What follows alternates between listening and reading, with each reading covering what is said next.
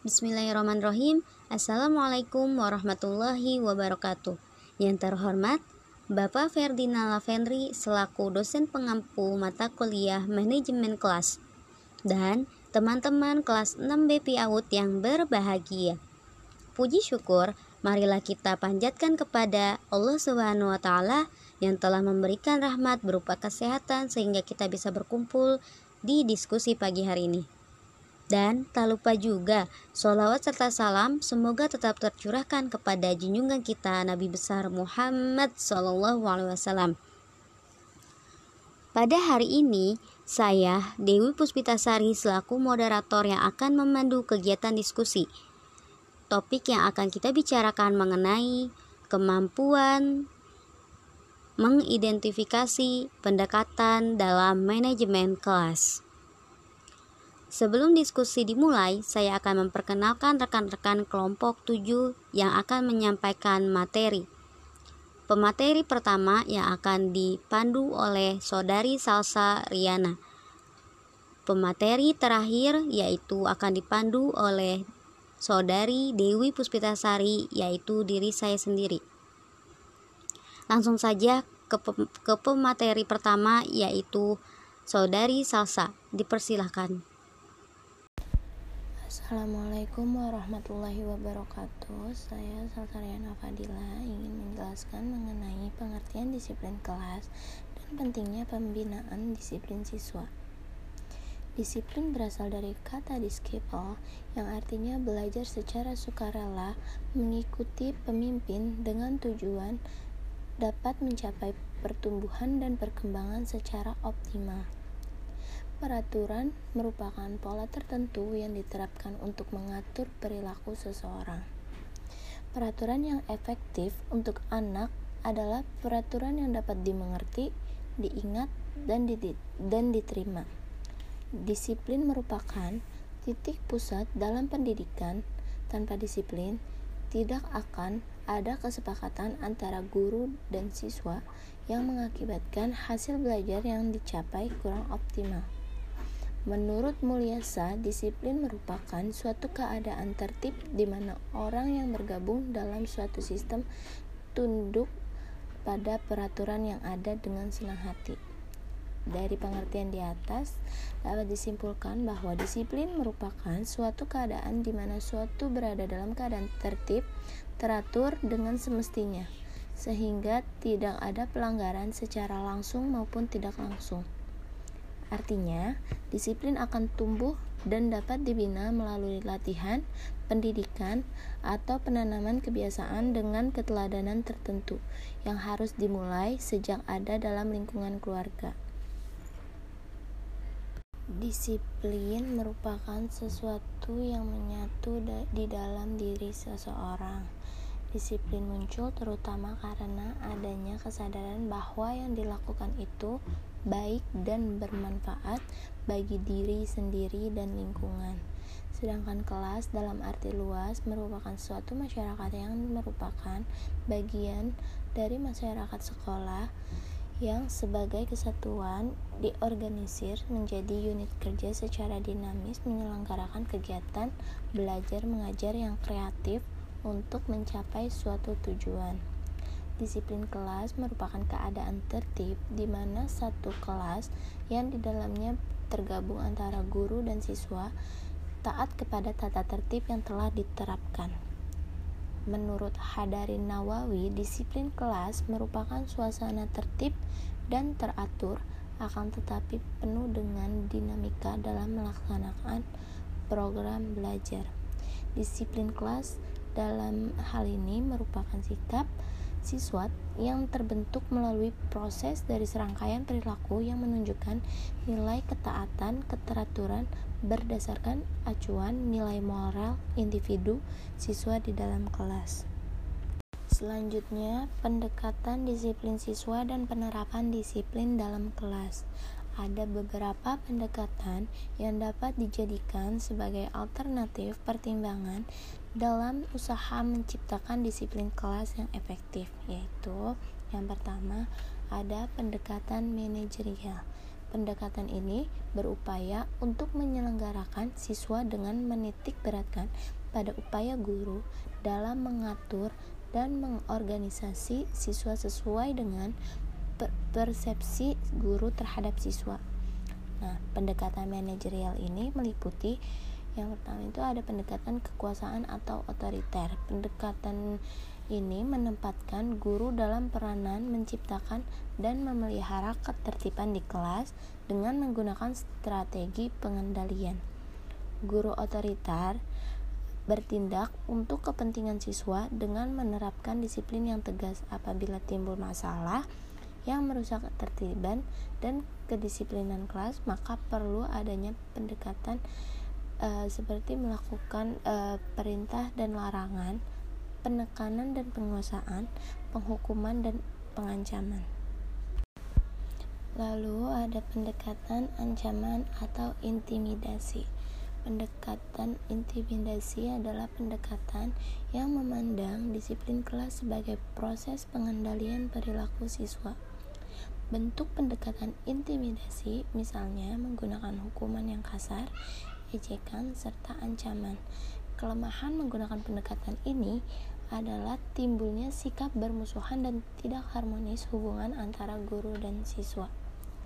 Selanjutnya, pendekatan kebebasan atau permisif. Pendekatan ini diartikan sebagai suatu proses untuk membantu siswa agar merasa bebas untuk mengerjakan sesuatu kapan dan di mana saja. Peranan guru dalam mendisiplinkan kelas menggunakan pendekatan ini adalah guru hanya menjadi pendorong atau fasilitator untuk mengembangkan potensi siswa secara penuh. Selanjutnya ada pendekatan demokratis. Pendekatan ini dapat dikatakan perpaduan kebaikan antara pendekatan otoriter dan permisif. Pembelajaran ini membebaskan siswa untuk bertingkah laku dan berkreasi, namun apabila dipandang membahayakan atau menyimpang, maka guru akan menegur dan meluruskannya. Terus ada pendekatan instruksional. Pendekatan instruksional dalam disiplin kelas ini mengacu pada tujuan pembelajaran yang telah dirumuskan oleh karena itu, peranan guru di sini hanya merencanakan dengan teliti pelajaran yang baik, kegiatan belajar yang disesuaikan dengan kebutuhan dan kemampuan setiap siswa. Yang terakhir ada pendekatan transaksional. Pendekatan ini dinilai lebih fleksibel karena pendekatan ini dikelola bersama guru dan siswa dalam membentuk uh, pembagian tugas yang harus diselesaikan siswa untuk mencapai tujuan pembelajaran dan dapat dikatakan sebagai pengembangan konsep cara belajar siswa aktif. Kedua, pendekatan psikologikal. Pendekatan psikologikal lebih menitik beratkan pada pertimbangan bagaimana siswa di kelas dapat dikelola dengan suatu pendekatan tertentu. Menurut Suparno, menyatakan ada lima pendekatan dalam manajemen kelas tersebut yaitu yang pertama pendekatan perubahan tingkah laku. Peran guru dalam pendekatan ini adalah mengembangkan tingkah laku yang baik dan mencegah tingkah laku yang kurang baik. Oleh karena itu, menurut pendekatan ini, yang baik atau positif harus dirangsang dengan memberikan pujian atau hadiah yang menimbulkan perasaan senang atau puas. Yang kedua ada pendekatan iklim sosio-emosional. Pendekatan ini didasarkan pada asumsi bahwa pengelolaan kelas yang efektif memerlukan hubungan positif antara guru dan siswa serta uh, siswa dengan siswa lainnya. Pendekatan ini akan tercapai maksimal apabila hubungan antar pribadi yang baik berkembang di dalam kelas. Selanjutnya ada pendekatan kerja kelompok. Pada pendekatan kerja kelompok, peran guru adalah mendorong perkembangan dan kerjasama antar kelompok untuk menjaga kondisi kelas agar tetap baik. Guru harus dapat mempertahankan semangat tinggi mengatasi masalah dan mengurangi masalah-masalah pengelolaan. Selanjutnya ada pendekatan keterlibatan aktif. Karena belajar merupakan hasil interaksi individu dengan individu, lingkungan, materi, maka proses interaksi hendaknya dapat dikelola menjadi interaksi yang produktif.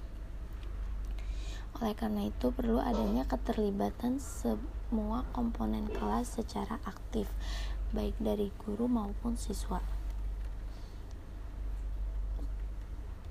Kemudian ada pendekatan elektis atau pluralistik.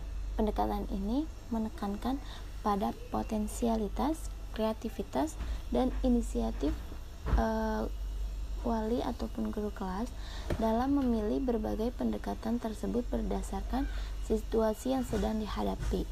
Pendekatan elektis disebut juga pendekatan pluralistik, yaitu pengelolaan uh, kelas yang berusaha menggunakan berbagai macam pendekatan yang memiliki potensi untuk menciptakan dan mempertahankan suatu kondisi yang memungkinkan proses belajar mengajar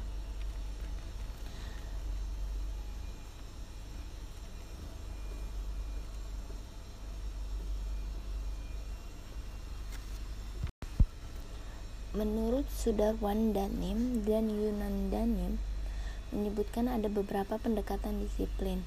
Pendekatan yang tidak begitu disetujui adalah pendekatan yang merekomendasikan bahwa siswa harus sepenuhnya bertanggung jawab dalam memperbaiki sikap mereka. Pendekatan berikutnya yaitu pendekatan yang mengharuskan guru memegang kontrol tetap karena kepentingan siswa ada di dalamnya ketika guru melakukan hal tersebut menurut Tauber e, mengemukakan bahwa satu bentuk pendekatan tidaklah cukup untuk menunjang pengajaran dari hari ke hari. Penting bagi guru untuk menjadi terbiasa dengan tingkat pendekatan yang diperlukan dalam memanajemen kelas. Dengan kata lain, guru harus mampu menerapkan lebih dari satu pendekatan yang disesuaikan dengan situasi permasalahan yang sedang terjadi pada suatu kelas. Materi selanjutnya yaitu problematika disiplin dalam kelas dan upaya membentuk disiplin kelas. Menurut Jane Bluestein, menjelaskan bentuk pelanggaran atau masalah disiplin kelas meliputi dua hal, yaitu masalah individual dan masalah kelompok. Yang pertama, pelanggaran disiplin kelas yang bersifat individual. Penggolongan masalah individual ini didasarkan atas anggapan dasar bahwa tingkah laku manusia itu mengarah pada pencapaian tujuan. Setiap individual memiliki kebutuhan dasar dan merasa dirinya berguna. Apabila seseorang gagal mengembangkan rasa memiliki dan rasa dirinya berharga, maka dia akan bertingkah laku menyimpang atau membuat pelanggaran. Adapun bentuk pelanggaran disiplin kelas yang bersifat individual dapat dikategorikan sebagai berikut. Yang pertama, tingkah laku untuk menarik perhatian orang lain. Siswa yang mempunyai perasaan ingin diperhatikan berusaha mencari kesempatan pada waktu yang tepat untuk melakukan perbuatan yang dikiranya dapat menarik perhatian orang lain, seperti membuat uh, sesuatu hal secara lamban sehingga orang lain harus memberi bantuan ekstra. Yang kedua, tingkah laku yang ingin menunjukkan kekuatan tingkah laku seperti uh, misalnya selalu membuat perdebatan atau kehilangan kendali uh, emosional seperti marah, menangis uh, dan lain sebagainya sehingga lupa pada aturan yang penting dalam kelas tersebut. Yang ketiga, tingkah laku dalam uh, bertujuan menyakiti orang lain. Tingkah laku ini misalnya menyakiti orang lain seperti memukul, menggigit, atau uh, lain sebagainya. Dan yang terakhir itu peragaan ketidakmampuan. Peragaan ketidakmampuan yaitu dalam bentuk sama sekali menolak untuk mencoba melakukan apa pun uh, karena yakin bahwa hanya kegagalan yang akan dihadapinya.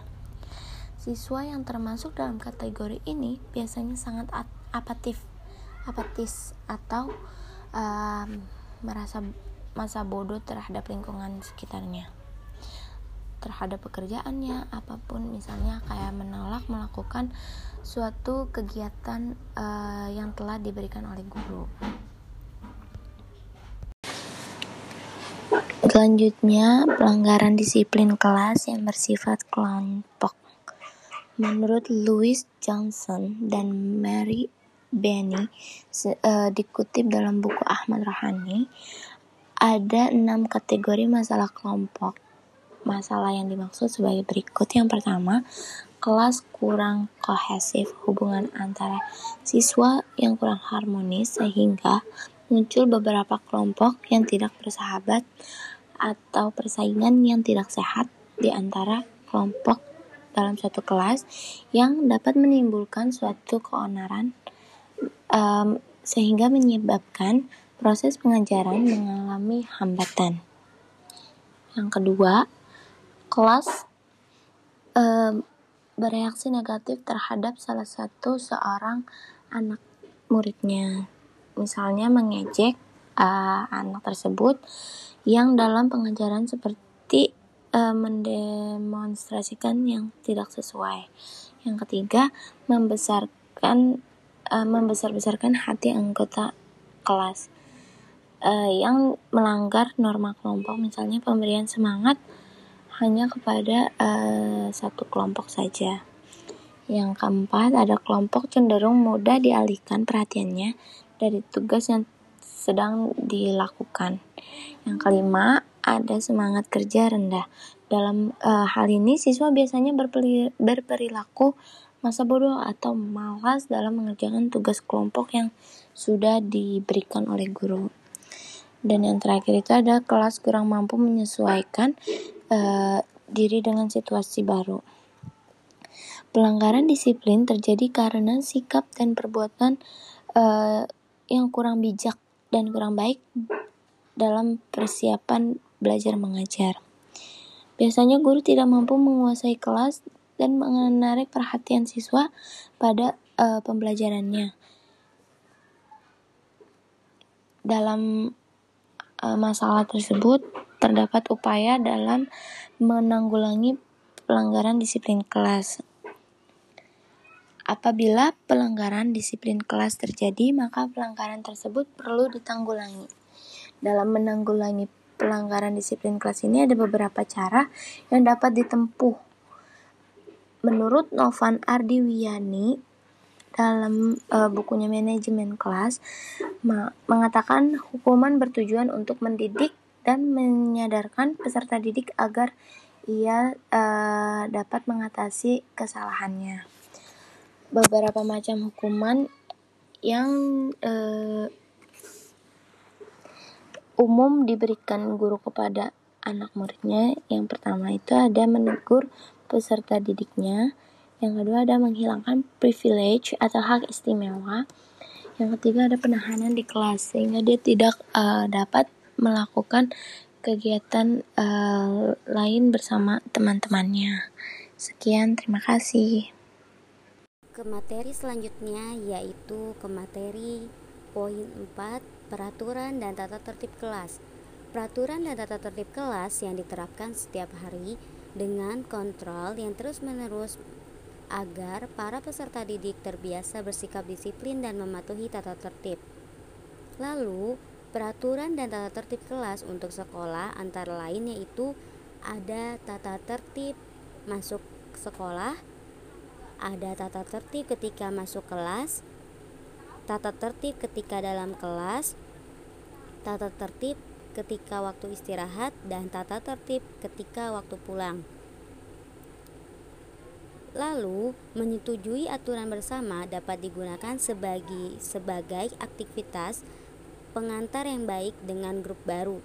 Menuliskannya membuat mereka siap untuk rujukan agar tetap disiplin. Nah, perlu kalian ketahui ada empat hal yaitu dalam peraturan Yang pertama, peraturan kelas. Peraturan kelas adalah pedoman yang disepakati antara guru dan seluruh anggota kelas untuk mengelola seluruh sumber daya yang ada dalam kelas. Misalnya, petugas untuk mempersiapkan tahap setiap sesi kegiatannya. Yang kedua, peraturan kelas dan belajar sangat erat hubungannya. Pembelajaran dapat berlangsung dengan baik apabila didukung dengan ketertiban anggota kelas untuk berlangsungnya pembelajaran. Dan guru tidak perlu lagi dalam pertemuan memberikan perintah atau pelaksanaan fungsi manajerial di kelas seperti perorganisasian, terus menetapkan aturan dan prosedur-prosedur lainnya. Yang ketiga, peraturan kelas. Peraturan kelas di sini mempengaruhi keterlibatan peserta didik dalam tugas belajar seperti keterlibatan peserta didik dalam pembelajaran pada dasarnya merupakan hasil dari peraturan kelas yang baik untuk melakukan kegiatan secara individual atau kelompok.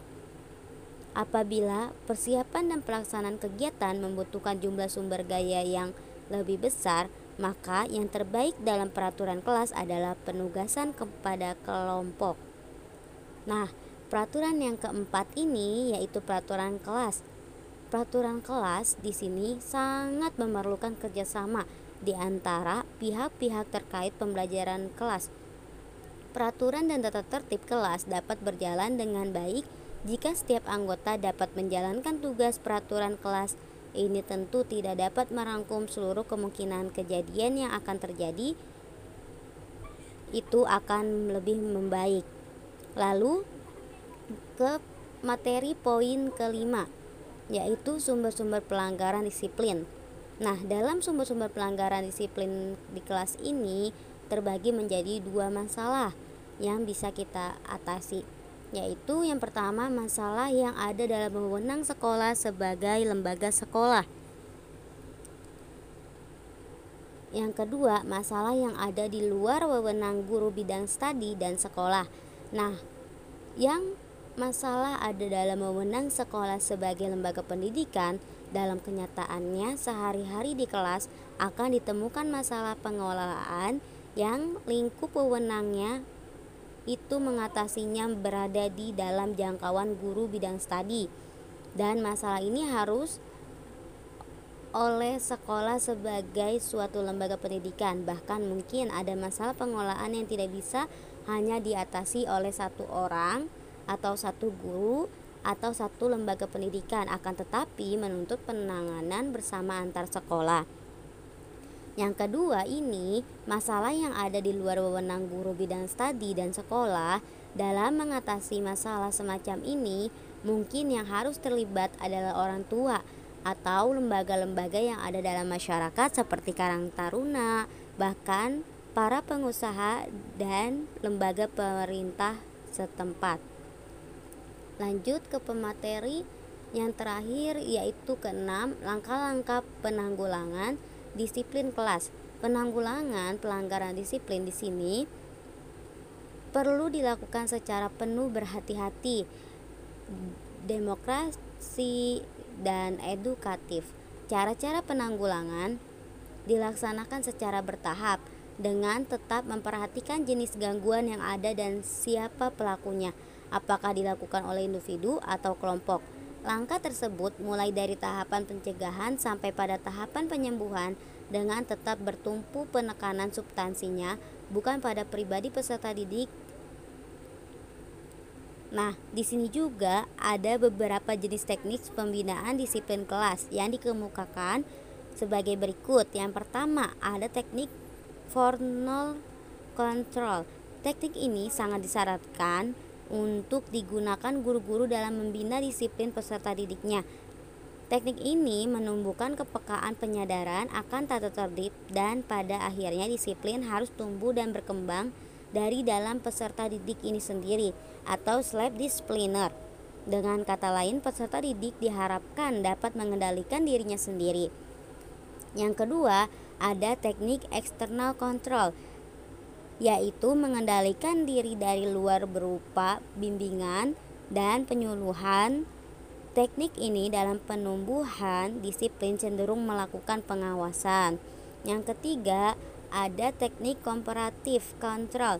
Dengan teknik ini, pembinaan disiplin kelas dilakukan dengan bekerja sama antar guru dengan peserta didik dalam mengendalikan situasi kelas ke arah terwujudnya tujuan kelas yang bersangkutan. Terima kasih. Mungkin cukup sekian presentasi dari kami. Kurang lebihnya mohon maaf. Wabillahi taufiq wal hidayah. Wassalamualaikum warahmatullahi wabarakatuh. Terima kasih.